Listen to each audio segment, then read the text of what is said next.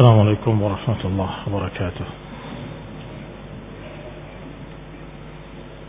إن الحمد لله نحمده ونستعينه ونستغفره ونعوذ بالله من شرور أنفسنا ومن سيئات أعمالنا من يهده الله فلا مضل له ومن يضلل فلا هادي له وأشهد أن لا إله إلا الله وحده لا شريك له وأشهد أن محمدا عبده ورسوله صلى الله عليه وعلى آله وأصحابه والتابعين وتابع التابعين ومن تبعهم بإحسان إلى يوم الدين.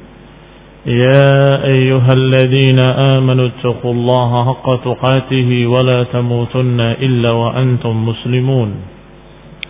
يا أيها الناس اتقوا ربكم الذي خلقكم من نفس واحدة وخلق منها زوجها وبث منهما رجالا كثيرا ونساء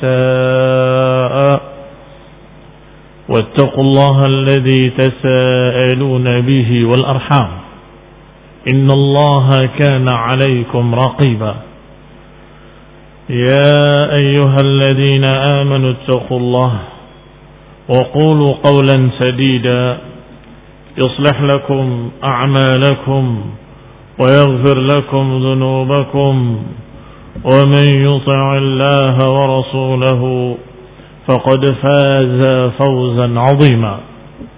أما بعد فإن خير الحديث كتاب الله وخير الهدي هدي محمد صلى الله عليه وعلى آله وسلم وشر الأمور محدثاتها فإن كل محدثة بدعة وكل بدعة ضلالة وكل ضلالة في النار. Ikhwani fi din, a'azakumullah, kaum muslimin yang saya hormati. Kita lanjutkan kajian kitab tafsir Taisir Karim Ar-Rahman oleh Syekh Rahman Al-Nasir Sa'di rahimahullah sampai pada ayat Allah Subhanahu wa taala وعلم آدم الأسماء كلها ثم عرضهم على الملائكة فقال أنبئوني بأسماء هؤلاء إن كنتم صادقين kata Allah Subhanahu wa taala wa 'allama Adam al-asma'a kullaha kemudian Allah ajarkan nama-nama kepada Adam nama-nama segala sesuatu kemudian ditanyakan kepada para malaikatnya atau dihadapkan kepada para malaikat. Dan Allah katakan kepada para malaikatnya, "Ambiuni bi asma'i haula." Kabarkan kepada kami tentang nama-nama benda-benda itu. Maka malaikat menjawab, "Subhanak. La ilma lana illa ma 'allamtana." Maha suci Engkau ya Allah kami tidak memiliki ilmu kecuali sekadar apa yang kau ajarkan kepada kami. Selebihnya kami tidak tahu. Mana arada kata Syekh Sa'di rahimahullah ay arada al-musammayat al malaikah. Dihadapkan kepada malaikat-malaikat benda-benda tadi kemudian ditanyakan kepadanya imtihanan lahum hal ya'rifunaha am la sebagai imtihan, ujian untuk mereka, dites mereka, apakah mereka tahu atau tidak tahu. Faqala anbi'uni bi asma'i haula'i in kuntum sadiqin. Beritakan kepada kami. Kata Allah Subhanahu wa taala kepada malaikatnya.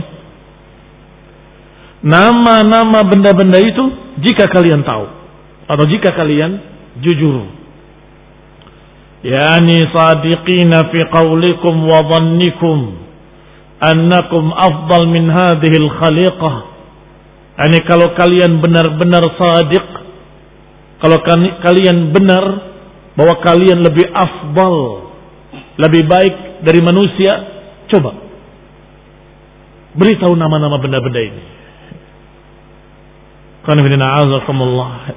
Malaikat menjawab, Subhanak, Maha suci engkau. Ayatanzihuka min al-i'tirad minna alaik. Wa mukhalafata amrik. Yani kami mensucikan engkau ya Allah. Enggak mungkin kami menentang engkau. Enggak mungkin kami protes kepadamu. Dan enggak akan kami menyelisihi engkau. Menyelisihi perintahmu. Itu maknanya. Jadi ketika Allah katakan Ambi'uni bi asma'i haula in kuntum sadiqin. Beritakan kepada aku nama-nama benda-benda itu kalau kalian memang benar. Ya ini memang benar kalian lebih afdal dari manusia. Coba kabarkan kepada kami. Maka malaikat mensucikan Allah. Artinya kami ya Allah tidak menentang engkau. Kami tidak menyelisihi engkau. Maha suci engkau. Enggak mungkin kami menentangmu. Enggak mungkin kami menyelisihimu. La ilma lana. Kami tidak memiliki ilmu ya Allah. Biwajhin minal wujuh. Ilmu dari sisi apa pun. Illa ma'allamtana. Kecuali apa yang kau ajarkan kepada kami. Oh diajarkan kami tahu. Nggak diajarkan kepada kami, kami tidak tahu. Fadlan minka wajudan. Ini kalau kau ajarkan kepada kami sebagai fadlan. Pemberian sebagai ju dan kebaikan darimu, maka kami akan tahu. Innaka antal alimul hakim. Sesungguhnya engkau ya Allah adalah yang maha memiliki ilmu, lagi maha memiliki hikmah. Dipuji oleh malaikat. Allah yang memang maha memiliki puji-pujian. Maha sempurna pujiannya. Maka kata malaikat, engkau ya Allah Sesungguhnya engkaulah al-alim, al-hakim. Yang maha berilmu dan maha memiliki hikmah. Makna berilmu ini mengetahui segala sesuatu. Al-alim alladhi ahata ilman bikulli syai. Yang ilmunya meliputi segala sesuatu. Fala yaghibu anhu wa la ya'zub mithqala dharratin tidak ada yang terlewat, nggak ada yang terluput sebiji darah pun. Fis samawati wal ard, apakah yang di langit ataupun yang di bumi. Semuanya dalam ilmu Allah. Semuanya diketahui oleh Allah Subhanahu wa taala, enggak ada yang luput. Wala asghar min dzalika wala akbar. Tidak yang lebih besar dari biji darah, tidak pula lebih kecil daripadanya kecuali Allah mengetahuinya. Wal hakim maha memiliki hikmah. Mawal hakim aiman lahul hikmatu tammah. Kata Syekh Sa'di dalam tafsirnya, mana hakim adalah yang memiliki hikmah yang sempurna. Allati la yakhruj anha makhluqun wa la yasud anha ma'murun. Fama khalaqa syai'an illa li hikmat. La yakhruj anha tidak keluar daripadanya satu makhluk pun tidak keluar dari hikmah. Allah ciptakan malaikat li hikmatin. Allah ciptakan jin li hikmatin. Allah ciptakan manusia li hikmatin. Semuanya dengan hikmah. Jangan bertanya kenapa? Apa perlunya Allah ciptakan jin? Jangan. Karena itu berarti lancang, kurang ajar kepada Allah Subhanahu wa taala. La yus'alu amma yaf'al Wahum yus'alun. Allah tidak ditanya kenapa berbuat begini dan begitu. Tapi kita yang akan ditanya. Kalau Allah berbuat segala sesuatu, pasti dengan keadilannya, pasti dengan hikmah, pasti, pasti, pasti ada hikmah di sana. Allah menciptakan malaikat-malaikat.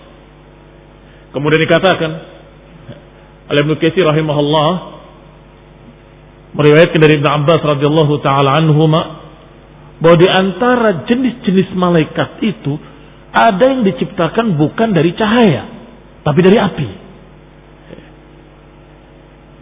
Yang diciptakan dari api dinamakan jin. Tetapi ketika dipanggil malaikat maka semuanya termasuk yang diciptakan dari api tadi. yaitu jin-jin tadi. Maka dikatakan oleh Ibnu Abbas, kana iblis min hayyin min ahya'il malaikah yuqalu lahumul jin. Bahwasanya yang namanya iblis itu adalah salah satu dari jenis-jenis malaikat yang diciptakan dari api yang dipanggil atau dijuluki dengan jin. Khuliqu min naris samum bainal malaikah. Diciptakan dari api dan berada di tengah-tengah malaikat, bergabung bercampur bersama malaikat. Dan iblis salah satunya.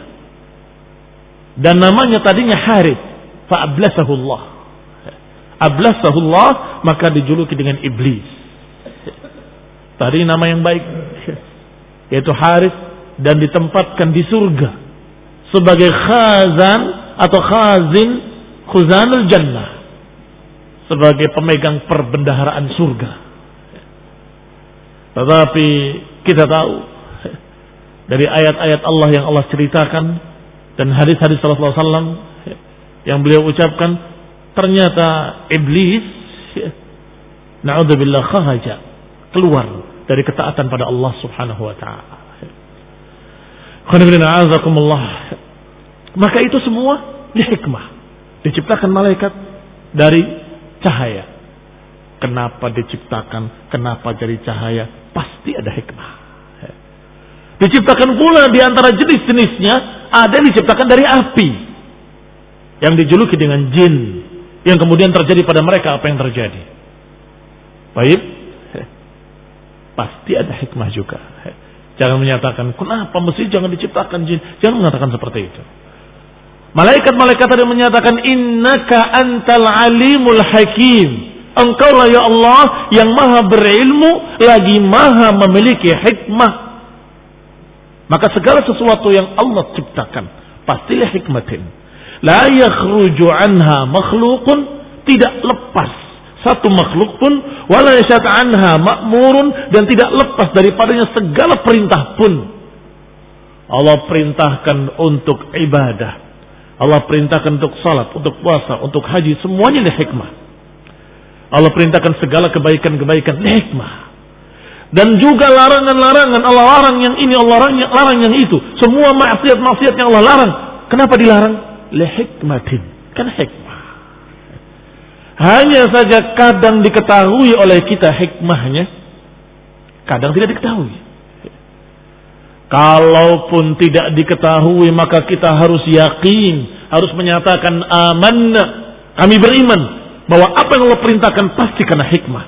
Apa yang Allah larang pasti kena hikmah. Loh, tapi hikmahnya apa? Wallahu alam, pasti ada hikmahnya. Walaupun kita belum tahu, pasti ada hikmahnya. Apalagi sebagian besar kita ketahui hikmah-hikmahnya yang zahir. Di samping itu masih banyak hikmah-hikmah yang lain yang tidak kita ketahui. Karena Allah Subhanahu wa taala Al-Hakim yang Maha memiliki hikmah. Fama khalaqa syai'an illa li hikmatin wala amara bi syai'in illa li hikmatin maka Allah tidak menciptakan segala sesuatu kecuali karena hikmah karena ada satu hikmah dan tidak pula Allah memerintahkan sesuatu kecuali karena ada hikmah di balik itu apa itu hikmah maknanya wad'u syai' fi mawdi'ihi al-la'iq bihi menempatkan sesuatu pada tempatnya yang tepat ini dilarang. Itu tepat sekali. Memang harusnya dilarang. Ini perintahkan. Itu memang tepat sekali. Memang harusnya diperintahkan. Kenapa malaikat diciptakan? Karena hikmah. Ini tepat sekali. Memang harus ada malaikat. Demikian pula jin. Memang harusnya. Semestinya ada jin. Dan semestinya ada manusia. Semua ini barakallahu fikum li hikmatin Artinya Allah Subhanahu wa taala menciptakan dengan satu keadilan, dengan satu hikmah yaitu wad'u syai' fi mawdhi'ihi al-la'iq bihi. Maka malaikat tadi aqarru. Fa aqarru wa'tarafu bi'ilmi Allah wa hikmatihi. Maka malaikat tadi mengakui, mengimani bahwa engkau ya Allah memang benar-benar maha berilmu dan maha memiliki hikmah. Wa'tarafu dan juga mengakui usurahum an ma'rifati adna syai' mengakui kekurangan mereka, kelemahan mereka, nggak mampu untuk mengenali sesuatu yang paling ringan. Ini namanya apa? Nggak tahu. Karena memang tidak diberi ilmu oleh Allah atau tidak dikasih tahu oleh Allah. Maka malaikat mengakui bahwa aku memang tidak mengerti. Engkau yang maha berilmu. Kami nggak tahu satu hikmah. Engkau yang maha memiliki hikmah. Wa atrafihim bifadlillahi alaihim. Dan juga mengakui keutamaan yang Allah berikan kepada Adam. Dan mengetahui keutamaan yang Allah berikan pada mereka. Wa ta'limuhu iyyahu ma la dan mengakui bahwa mereka memiliki ilmu dari Allah dan mereka nggak akan mengetahui apa pun kecuali kalau Allah ajari dia. Fahina idin. Maka ketika itu, setelah malaikat mengakui bahwa aku tidak tahu, kecuali engkau ajari aku, dan engkau maha berilmu, dan engkau maha hikmah, maha suci engkau. Aku tidak menentangmu, aku tidak menentangmu, aku tidak membantahmu, aku tidak menyelisihimu. Maka saat itu Allah tanyakan pada Adam, Qala ya Adamu ambi'hum bi asma'ihim. Wahai Adam, coba beritakan nama-nama benda-benda tadi. Ay asma'ul musammayat allati 'aradaha Allahu 'alal malaikah, yaitu nama benda-benda yang ditunjukkan kepada malaikat dan malaikat tidak bisa menjawab. Wa ajizu anha. Maka ditanyakan pada Adam, coba Adam. Tanyakan atau berterangkan. Falamma amba'ahum bi asma'ihim. Maka Adam pun menyampaikan nama-nama tadi yang sudah diajarkan oleh Allah Subhanahu wa taala. Amba'ahum bi asma'ihim qala alam aqul lakum setelah Adam menyampaikan nama-nama tadi tabayyana lil malaika. Maka jelaslah bagi para malaikat keutamaan Adam di atas mereka. Wa hikmatil bari wa ilmih dan jelaslah hikmah Allah dan ilmu Allah. Fi istikhlafi hadzal khalifah. Dalam menetapkan khalifah yang akan tinggal di muka bumi. Qala alam lakum inni a'lamu ghaibas samawati wal ard. Bukankah aku sudah mengatakan pada kalian bahwa aku mengetahui yang gaib yang di langit maupun yang di bumi. Disebut yang gaib saja. Mafhumnya kalau yang gaib Allah tahu, apalagi yang bahir, apalagi yang bahir. Wa huwa anna. Kalimat gaib adalah apa yang ghaba, yang tersembunyi, yang tidak terlihat.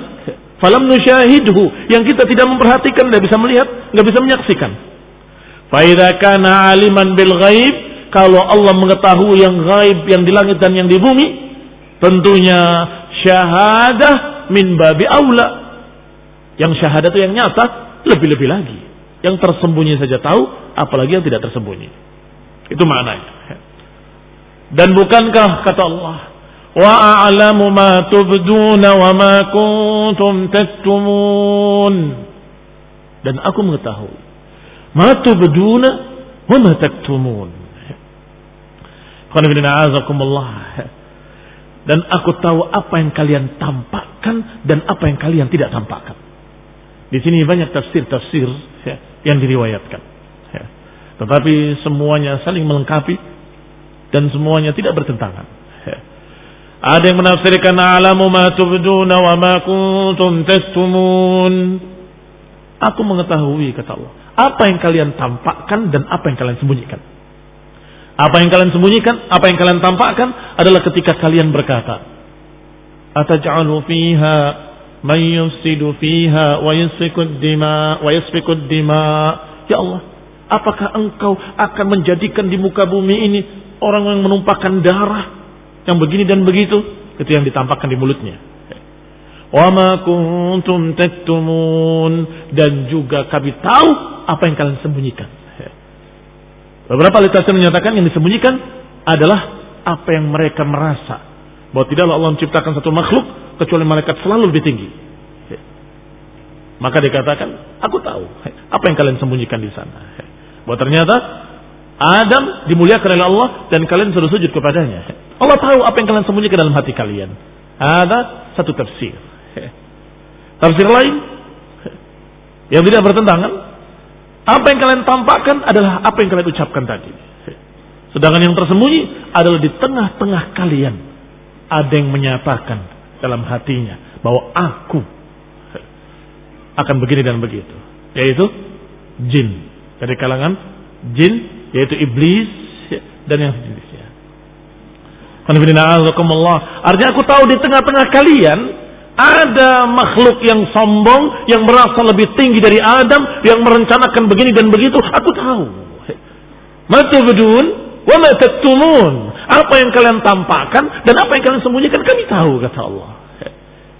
Alam aqul lakum inni a'lamu ghaibas samawati wal ard wa a'lamu ma tubduna wa ma kuntum taktumun. ثم أمرهم تعالى بالسجود kemudian Allah perintahkan subhanahu wa ta'ala kepada malaikatnya untuk sujud kepada Adam untuk sujud kepada Adam ikraman lahu wa ta'ziman dan ini sujud bermana ikram penghormatan wa ta'ziman memuliakan. Ubudiyatan lillahi ta'ala sebagai peribadatan kepada Allah subhanahu wa ta'ala. Ini sangat jelas sangat gamblang dan gak ada ikhtilaf di antara para ahli tafsir. Hanya saja tiba-tiba muncul para kadzabun para pendusta para dajjal yang tiba-tiba menyatakan bahwasanya Iblis adalah paling bertauhid. Karena disuruh sujud kepada selain Allah, tidak mau. Karena sangat bertauhidnya. Lihat ya ibn azakumullah. Haula dari kalangan liberalis, jaringan Islam liberal, jaringan iblis laknatullah alaih, tiba-tiba membalik keadaan. Sejak Nur Khalis Majid dulu dilanjutkan oleh yang belakangnya menyatakan bahwa iblis paling bertauhid. Disuruh sujud kepada Adam tidak mau. Karena dia hanya sujud pada Allah Ta'ala. Kalau iblis paling bertauhid berarti para, para malaikat musyrikin. Sujud kepada Adam beribadah pada Adam. Begitu maknanya. Astagfirullah. Astagfirullah. Itu jelas ucapan kufur-kufur yang sekafir-kafirnya. Allah memerintahkan para malaikatnya untuk sujud kepada Adam adalah ikraman lahu, ibadatan lillah, memuliakan Adam dan peribadatan kepada Allah. Karena mentaati Allah, maka peribadatan kepada Allah Subhanahu wa taala. Ya takhawalina azakullah ucapan Syekh Sa'di rahimahullah juga menyimpulkan demikian.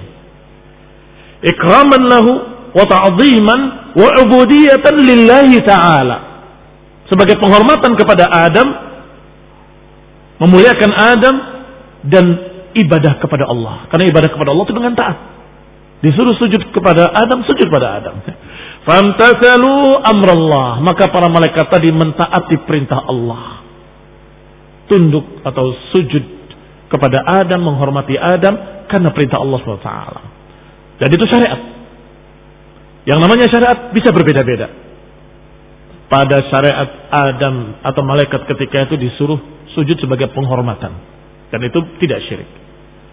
Demikian pula kisah Nabi Yusuf ketika bermimpi sebelas bintang dan matahari bersujud kepadanya. Ternyata bapak dan ibunya dan sebelas saudaranya semuanya sujud kepadanya. Sujud apa itu? Menghormati. Waktu itu dibolehkan menghormati dengan sujud. Tetapi syariat berikutnya, syariat berikutnya berbeda dan syariat Nabi Muhammad sallallahu alaihi wa ala alihi wasallam Allah katakan la tasjudu lisyamsi wala lil qamari wasjudu lillahi al qahar. Jangan sujud pada matahari, jangan sujud pada bulan, sujudlah pada Allah yang Maha menciptakan. Yang satu, yang Maha mulia, Maha sombong. Dengan ayat ini syariat kita sekarang tidak boleh sujud pada siapa pun. Sujud untuk Allah subhanahu wa ta'ala. Maka menghormati orang lain, jangan dengan sujud. Pada syarat kita tidak boleh. Tapi pada syarat sebelumnya, Boleh. Seperti pada syariat Nabi Yusuf. Dan juga pada syariat ketika Allah perintahkan. Dan itu syariat. Yang apa yang Allah perintahkan itu syariat. Allah katakan wahai malaikat sujudlah pada Adam. Wa idqan wa idqulna lil malaikati isjudu li Adam. Maka itu syariat. Maka malaikat harus mentaati syariat Allah. Fasajadu maka mereka pun sujud. Mempraktekkan perintah Allah Subhanahu wa taala. Wa badaru kulluhum bis sujud. Mereka semua segera untuk sujud kepada Adam sebagai penghormatan. Illa iblis aba wastakbar kecuali iblis. Aba wastakbar. Illa iblis kecuali iblis. Aba wastakbar. Kenapa dikatakan kulna lil malaikah? Kami katakan pada malaikat sujudlah, tiba-tiba iblis menolak. Perintahkannya kan bukan kepada iblis tapi kepada malaikat. Sudah dijawab tadi. Ibnu Katsir meriwayatkan dan juga dalam riwayat-riwayat lain Ibnu Jarir dan lainnya mengisahkan ucapan Ibnu Abbas radhiyallahu taala anhu kata Ibnu Jarir حدثنا أبو قريب قال حدثنا عثمان ابن سعيد قال حدثنا بشر ابن عمارة عن أبي روق عن الضحاك عن ابن عباس رضي الله تعالى عنهما Qala dia berkata karena iblis min hayyin min ahya'il malaika. Iblis adalah salah satu dari jenis-jenis malaikat. semua malaikat dari jenis-jenis yang diciptakan dengan api kecuali ada satu jenis malaikat yang diciptakan uh, semua diciptakan dari cahaya kecuali ada satu jenis yang diciptakan dari api. Khuliqu min naris samu minal malaika. Dia diciptakan dari api di kalangan para malaikat. Wa kana ismuhul Harith. Adapun iblis sendiri satu di antara mereka yang tadinya namanya Harith. Kana khazinan min khuzanil jannah. Dia tadinya ditugaskan menjaga surga. Wa khalaqatil malaikatu kulluhum min nurin ghaira hadzal hayy. Semua malaikat diciptakan dari cahaya kecuali satu jenis ini diciptakan dari api. Maka setelah itu iblis dalam keadaan menjalankan tugasnya tidak ada masalah. Sampai ketika Allah akan menciptakan Adam. Hanya saja dikisahkan di kisah ini bahwa jenis jenis itu banyak. Sebagian ditaruh atau diletakkan di bumi. Fayufsidu fiha dima maka jin-jin tadi yang ada di dunia ini mereka saling membunuh, mereka merusak di muka bumi, saling bertikai sampai kemudian diperintahkan oleh Allah iblis yang khazin yang tadinya khazin penjaga jannah disuruh untuk membawa pasukannya memerangi yang ada di bumi. Maka diperangilah mereka Ketika diperangi oleh iblis, iblis merasa bahwa aku satu-satunya makhluk yang melakukan perbuatan atau tugas yang sehebat ini. Berperang, memerangi mereka, dan itu merasa bangga. Mulai ujub, kiber ada pada iblis. Bahwa dia merasa makhluk yang paling kokoh, yang paling kuat, yang paling gagah, yang paling hebat, Ila akhir Sampai ketika Allah akan menciptakan Adam, maka para malaikat berkata, Ya Allah, apakah engkau akan menciptakan sesuatu yang akan merusak di muka bumi dan menumpahkan darah? Ini seperti jin-jin tadi. Kenapa? Karena manusia dan jin, walaupun diciptakan satu dari api, satu dari tanah, ada satu yang sama. Yaitu mereka diberikan ikhtiar bisa memilih yang ini, bisa memilih yang itu. Karena ini jadi masalah. Makanya dua ini dikatakan as-saqalan. As-saqalan yang memiliki beban. Yaitu diperintahkan untuk kebaikan, tapi dia bisa memilih yang lain. Tapi diancam oleh Allah Ta'ala. Maka diberi oleh Allah Ta'ala beban syariat pada jin dan manusia. Maka malaikat melihat, kalau kau ciptakan manusia yang seperti itu, akan merusak seperti jin-jin tadi merusak. Maka Allah menyatakan inni a'lamu ma la. Aku mengetahui apa yang kalian tidak ketahui. Dan ternyata subhanallah, maha suci Allah. Alamul ghuyub, Allah lah maha mengetahui segala sesuatu. Muncul dari turunan Adam. Orang-orang salihin, al-anbiya wal mursalin seperti Nabi kita Nabi Muhammad sallallahu alaihi wa ala alihi wasallam. Dan sebagaimana dikisahkan dari Bani Israel. Ada seseorang yang disuruh untuk mensodakahkan dagingnya sendiri, dia robek sendiri dagingnya, dia kelupas dia berikan. Ini dikisahkan dalam kisah-kisah mereka. Artinya mereka siap untuk mengorbankan nyawa mereka untuk Allah Subhanahu wa taala. Dan dalam keadaan mereka bisa memilih. Ini keistimewaannya. Dalam keadaan manusia bisa memilih yang lain. Bisa menentang, bisa bermaksiat, bisa. Tapi dia tidak mau maksiat. Dia ingin taat. Ini kehebatan yang memiliki nilai lebih. Barakallahu fikum. Karena Allah ini a'lamu ma la ta'lamun. Fadarabahu maka ketika diciptakan manusia Allah ciptakan dari tanah khuliqal insan min tinin dari tin kemudian dibiarkan dalam bentuknya belum ditiupkan roh maka iblis datang karena dibiarkan oleh Allah lehikmatin karena hikmah jangan lupa. Tidak langsung ditiupkan roh. Iblis melihat berputar-putar mengelilinginya. Ya'tihi fadarabahu birijli. Kemudian ditendang dengan kakinya. Keras. Seperti tembikar. Dan ini yang dimaksud oleh Allah min salsalin kal fakhar berbunyi kotrak gitu. Kotrak masuk iblis ke dalam tubuhnya dari duburnya sampai ke mulutnya kembali lagi dari mulutnya sampai ke duburnya sampai kemudian dia memiliki kesimpulan ini beda denganku ini beda denganku karena dengan ada jasad bohirnya, ada jasad bohirnya. Kata iblis, la in sallattu alaika la uhlikannak. Kalau aku dijadikan di atasmu, aku akan binasakan engkau. Wa. Kalau engkau dijadikan di atasku, aku akan menentangmu. Ini diucapkan oleh iblis dalam hatinya dan Allah Maha tahu. Kalau iblis sudah merencanakan seperti itu. Karena Allah sengaja menciptakan lihikmatin. Karena satu hikmah.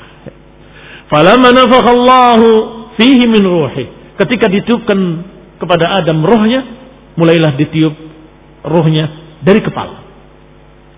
Dan setiap yang dimasuki ruh berubah menjadi daging dan darah.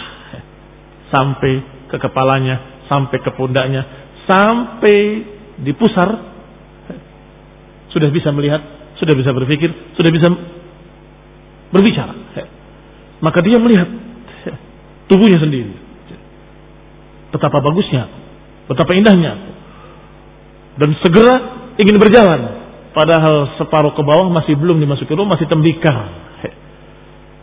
Maka tidak bisa, tidak bisa bergerak. Maka Allah Taala menyatakan khuliqal insanu ajula. Manusia memang diciptakan terburu-buru.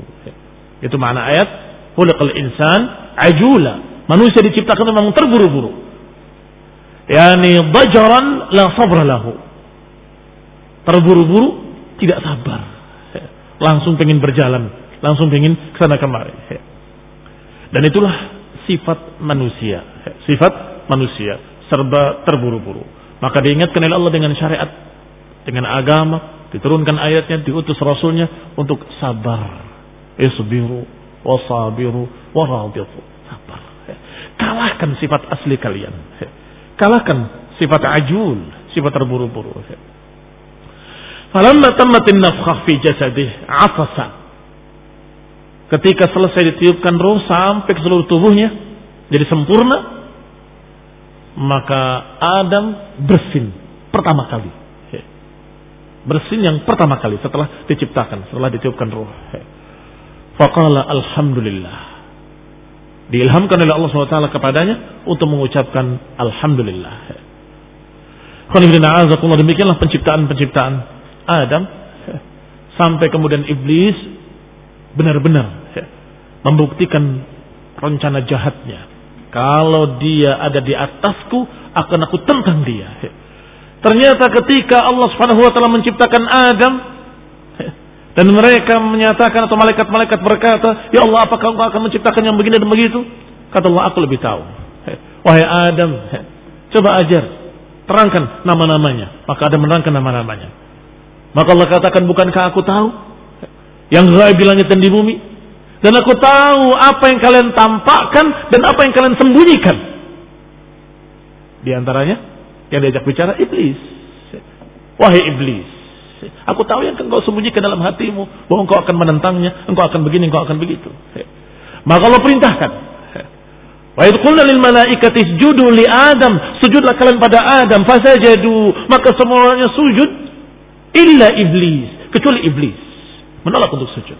Dan Allah sudah mengetahui bahwa iblislah yang akan menentangnya, iblislah yang akan menolaknya. Aba wastakbara wa kana minal kafirin. Menolak dan sombong. Dan iblis menjadi makhluk pertama yang kafir. Apa penyebab kekufurannya? Sombong. Merasa lebih tinggi. Merasa lebih hebat merasa dia memiliki sesuatu yang tidak dimiliki oleh yang lainnya ini sering kali menjadi penyebab seseorang kufur menjadi penyebab seseorang menentang Allah dan Rasulnya. Qala dikatakan oleh Syekh Sa'di rahimahullah imtana'a anis sujud wastakbara an amrillahi wa ala Adam. Tidak mau sujud, sombong terhadap perintah Allah dan sombong merasa lebih tinggi di atas Adam. Dan berkata, "Asjudu liman apakah aku sujud kepada yang kau ciptakan dari tanah?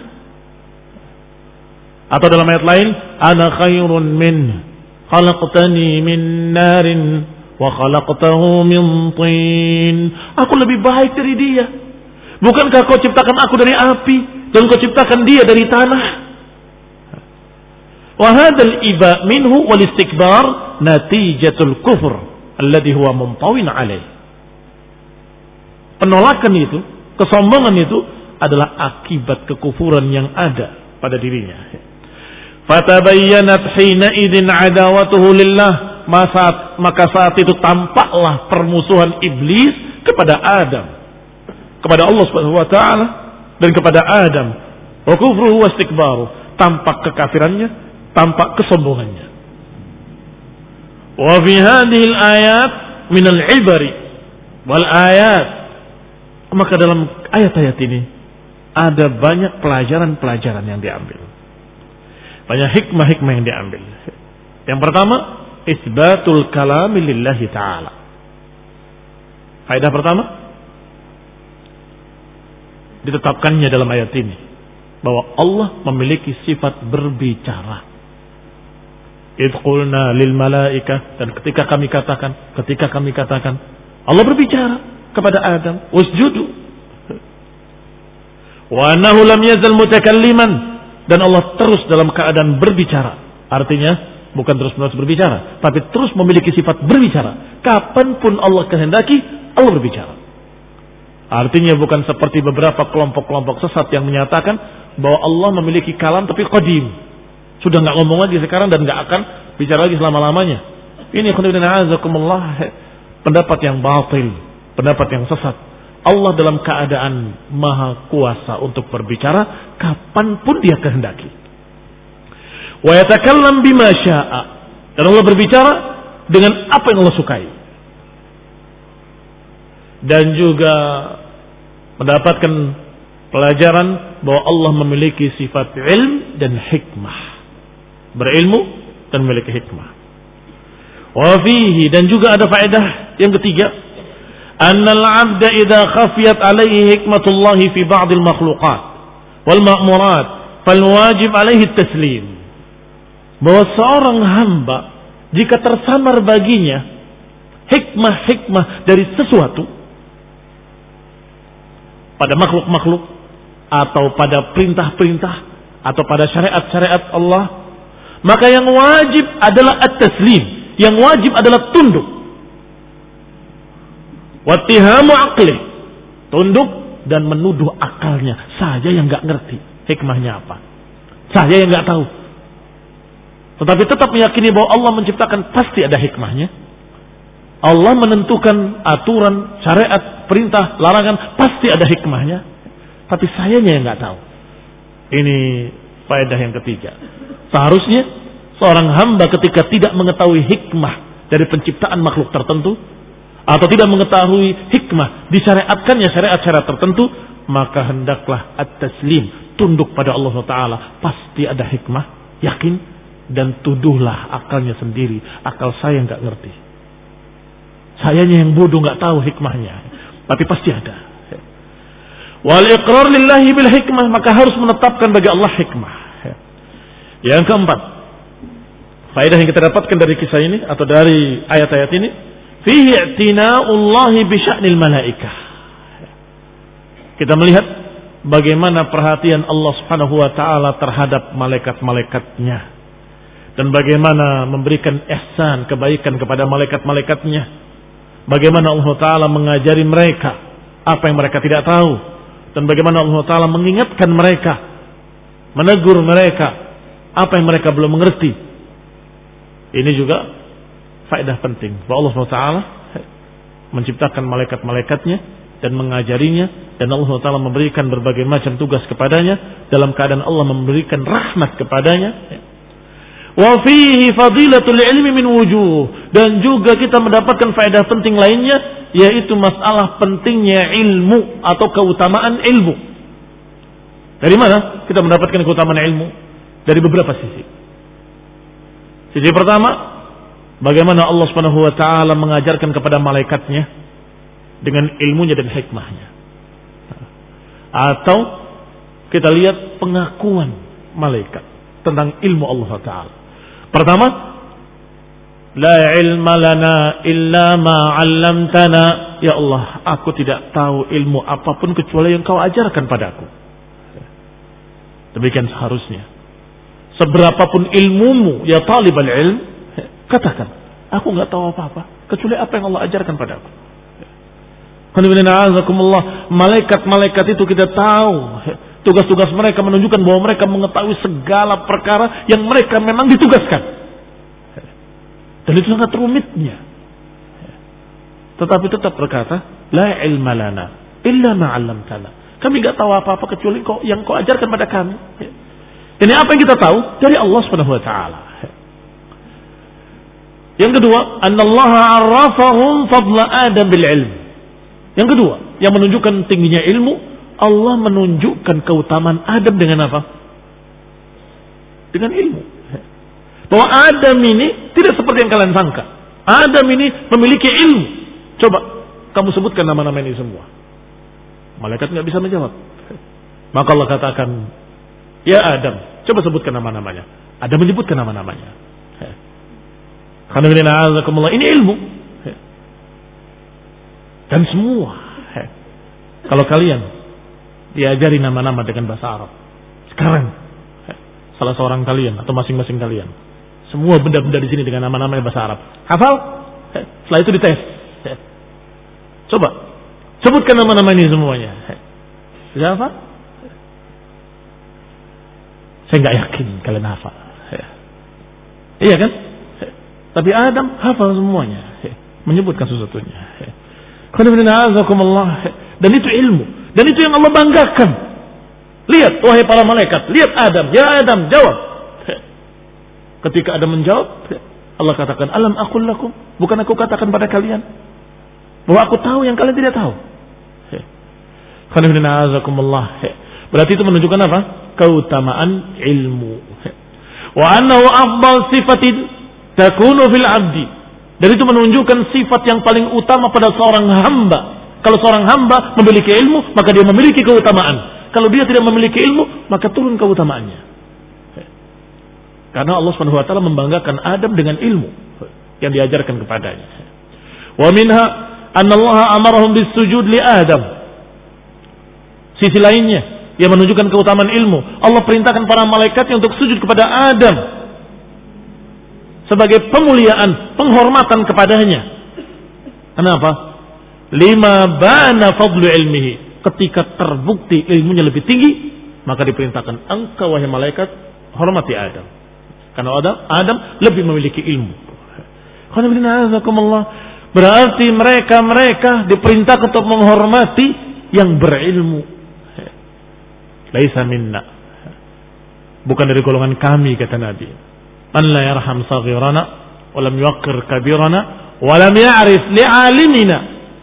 Bukan dari kami orang yang tidak menyayangi yang lebih muda, tidak menghormati yang lebih tua, dan tidak mengenali keutamaan orang yang berilmu. Dikatakan bukan golongan kami. Yang la ya'rif alimina. Orang yang tidak mengenali haknya orang alim, haknya orang yang berilmu. Wa minha. Ada keutamaan ilmu juga. Sisi lainnya, anal imtihanil ghair. Idza ajizu amman tahnu bih, amman tuhinu bih, thumma arafahu sahib al-fadilah, fahuwa akmal mimma arafahu ibtida'an ketika yang namanya ujian untuk seseorang. Kemudian ketika dia tidak mampu, diberikan pada orang yang kedua. Kemudian dia mampu. Ya. Lihat. Si fulan mampu. Maka ini lebih tinggi keutamaannya atau lebih jelas, lebih meyakinkan daripada langsung dikatakan ini lebih berilmu dari ini. Selesai. Ya, mungkin kamu percaya, tapi hanya kepercayaan saja. Ya, saya percaya dalam ilmu. Tetapi kalau dengan cara tadi, coba ya malaikat, sebutkan nama-namanya. Malaikat menyatakan, La ilma lana illa ma'alam sana. Coba Adam, sebutkan nama-namanya, disebutkan nama-nama semuanya. Baik, bukankah aku sudah bilang bahwa dia lebih daripada kamu? Ini barakallahu fikum juga menunjukkan keutamaan ilmu dengan imtihan, dengan ujian. Harus dites Hafalkan. Dihafalkan. Kamu nggak hafal. Coba kamu. Sabar. Lihat. Teman kamu lebih hafal dari kamu. Padahal lebih kecil dari kamu. Padahal dia begini, padahal dia gitu. Memberikan semangat untuk yang lain. Agar menambah hafalannya. Menambah semangatnya. Menambah rajinnya untuk talabul ilm. Ila akhirih. Wa minha pelajaran lainnya. Al-i'tibar bihala abawail ins wal jin. Wa bayan fadli Adam Pelajaran yang kita dapatkan pula dari ayat-ayat ini adalah keadaan dua abawai al-insi wal jin. Bapak ibunya manusia atau juga bapak ibunya jin. Dalam artian Adam dan kemudian turunannya dan jin dan turunannya. Bahwasanya Adam lebih utama dan Allah berikan keutamaan. Wa adawatu iblis lahu dan juga digambarkan oleh Allah bagaimana permusuhan iblis kepada manusia sejak diciptakannya bahkan sebelum ditiupkan ruh sudah memusuhi. Ila ghairi dzalika min al-ibar dan lain-lainnya dari pelajaran-pelajaran yang kita dapatkan dari ayat-ayat ini. Maka ikhwan bin a'azakumullah kalau sudah dikatakan syaitan demikian keadaannya, iblis lanatullah alaih demikian keadaannya, maka fattakhiduhu aduwa. Jadikanlah mereka sebagai musuh. yakni syaitan. Bukan seluruh jin, tapi syaitan. Jangan dijadikan sebagai kawan. Jangan dijadikan sebagai kawan dekat atau jangan dituruti langkah-langkah syaitan. La tattabi'u khutuwat syaitan. Allah taufiq wal hidayah.